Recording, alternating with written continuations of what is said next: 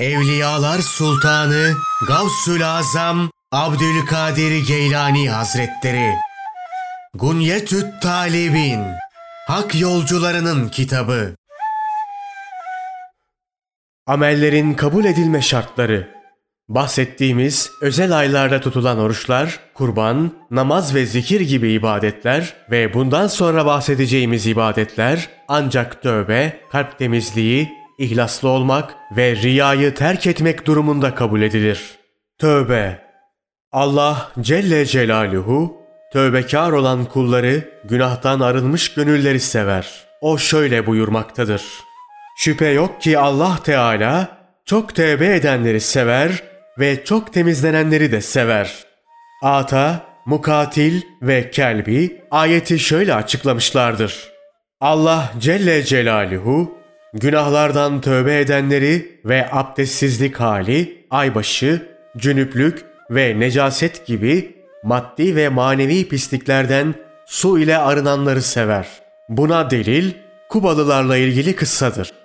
Şöyle ki Allah Celle Celaluhu onlar hakkında orada temizlenmeyi seven kimseler vardır buyurmuştur. Hazreti Peygamber sallallahu aleyhi ve sellem onlara ne yaptıklarını sorunca biz taşlarla kava temizliği yaptıktan sonra dışkı mahalleni suyla yıkıyoruz demişlerdir. Bir başka tefsire göre ise ayetin anlamı şudur. Allah Celle Celaluhu günahlardan tövbe edenleri ve şirkten arınanları sever. Ebul Minhal'den şöyle aktarılmıştır. Ebul Aliye'nin yanındaydım. Güzelce abdest aldı. Ben, Allah tövbe edenleri ve arınanları sever.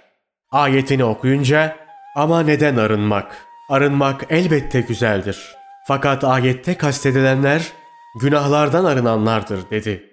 Said bin Cübeyr'in şöyle açıkladığı nakledilmiştir. Allah Celle Celaluhu şirkten tövbe edenleri ve günahlardan arınanları sever. Ayet aşağıda sıralayacağımız şekillerde de anlaşılmıştır. Küfürden tövbe edenler, iman ile arınanlar, günahlardan tövbe edip aynı günahı bir kez daha işlemeyenler, günahlardan tamamen arınanlar. Büyük günahlardan tövbe edenler, küçük günahlardan arınanlar. Fiilleriyle tövbe edenler ve sözleriyle arınanlar. Kalbi günahlardan tövbe edenler, fiili günahlardan, suçlardan arınanlar. Günahlardan tövbe edenler, ayıplardan arınanlar. Denilmiştir ki Tevvab, tövbekar, her günah işlediğinde hemen ardı sıra tövbe edendir. Allah Celle Celaluhu şöyle buyurmuştur. Allah tövbe edenlerinizi bağışlar. Cabir bin Abdullah'tan Allah Resulü sallallahu aleyhi ve sellemin şöyle buyurduğu nakledilmiştir. Sizden öncekilerden biri yolda bir kafatasına rastladı ve onu gözleriyle şöyle bir süzerek Rabbim sen sensin, ben de benim. Sen daima bağışlayansın. Bense daima günah işleyenim. Dedikten sonra secdeye kapandı. Bir süre sonra kaldır başını. Ben daima bağışlayanım. Sen de daima günah işleyensin diye bir ses duydu. Bunun üzerine başını secdeden kaldırdı ve günahları bağışlandı. İhlas Allah Celle Celaluhu şöyle buyurmuştur. Halbuki onlar ancak dinde ihlas sahipleri, muvahidler olarak ibadet etsinler ve namazı dosdoğru kılsınlar ve zekatı versinler diye emrolunmuşlardır. İyi biliniz ki halis din Allah'a mahsustur. Bilin ki kurban olarak kestiğiniz hayvanların etleri de kanları da Allah'a ulaşmaz. Ona ulaşacak olan sadece sizin takvanız, ibadette samimiyet ve ihlasınızdır. Ve bizim amellerimiz bize aittir. Sizin amelleriniz de size aittir. Ancak biz ona ihlas ile sarılıyoruz. Alimler ihlasın ne anlama geldiği konusunda görüş ayrılığına düşmüşlerdir. Hasan-ı Basri şöyle demiştir. Allah ondan razı olsun. Hazreti Huzeyfe'ye ihlasın ne demek olduğunu sordum. Şöyle cevap verdi. Ben ihlasın ne demek olduğunu Hazreti Peygamber sallallahu aleyhi ve selleme sormuş ve ondan şu cevabı almıştım. Cebrail aleyhisselama ihlasın ne demek olduğunu sordum. Şöyle dedi. Ben ihlasın ne demek olduğunu Allah'a sordum. O şöyle cevap verdi. O bana ait olan bir sırdır. Ben onu sevdiğim kullarımın kalplerine emanet olarak bıraktım.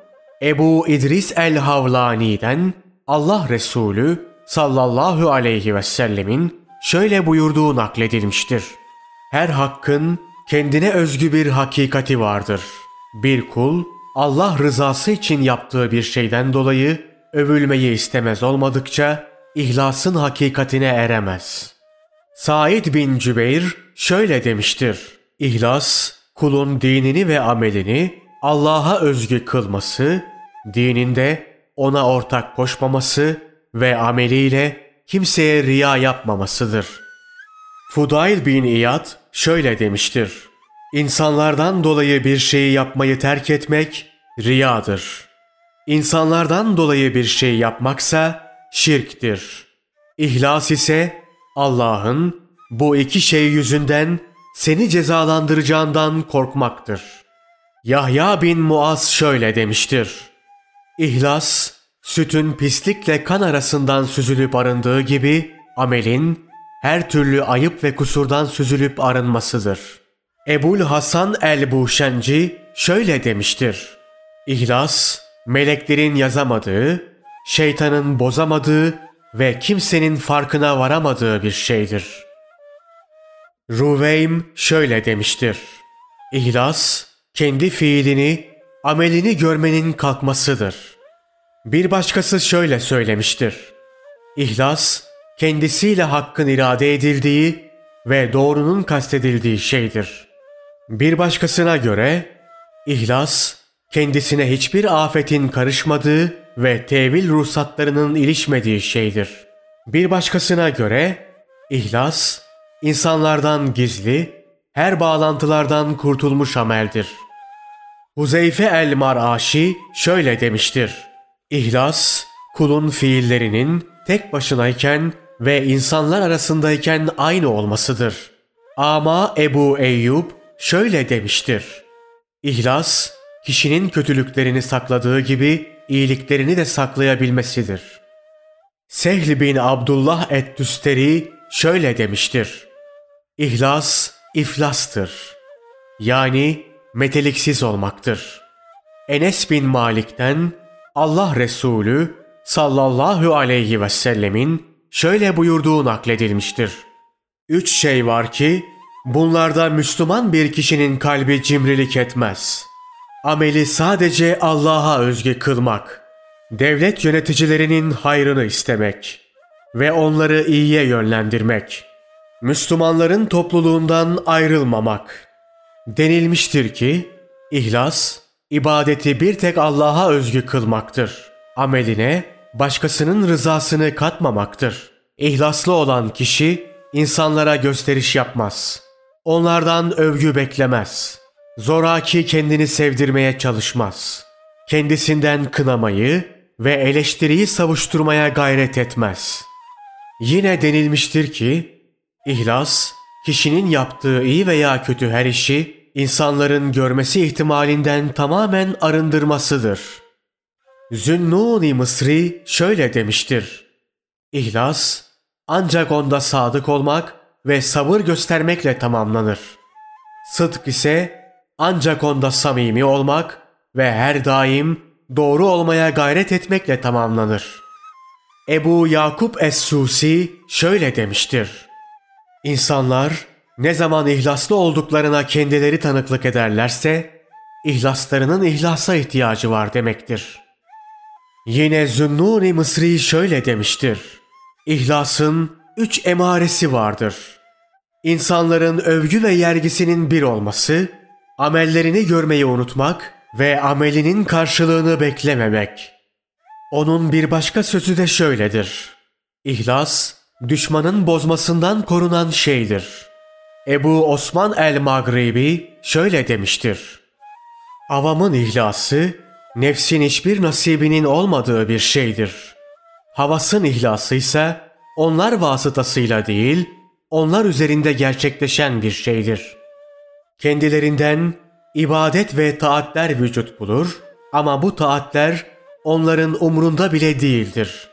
Ne onları görürler ne de hesaba katarlar. İşte havasın ihlası böyle olur. Ebu Bekir Eddekkak şöyle demiştir. İhlas sahiplerinin ihlaslarındaki eksiklik kendilerini muhlis görmeleridir. Allah böylelerinin ihlasını gerçek manada bir ihlas kılmayı dilediğinde onların kendilerini muhlis görmelerini engeller. Böylece onlar bizzat kendileri muhlis değil Allah tarafından ihlaslı kılınmış, seçilmiş olurlar. Sehl bin Abdullah Tüsteri şöyle demiştir. Riyayı ancak ihlaslı olanlar bilirler. Ebu Said el-Harraz şöyle demiştir. Arif kulların riyası bile seyr-i sülûkun başında olanların ihlasından daha iyidir. Ebu Osman şöyle demiştir. İhlas, kendini yaratana devamlı bakmakla, ona yönelmekle, insanların seni görmesini unutmaktır. Denilmiştir ki, ihlas, kendisiyle hakkın dilendiği ve doğruluğun kastedildiği şeydir. Bir başkası ise şöyle demiştir. İhlas, kişinin kendi yaptığı hiçbir ibadet ve hayrı görmemesidir. Seri Es-Sekati şöyle demiştir.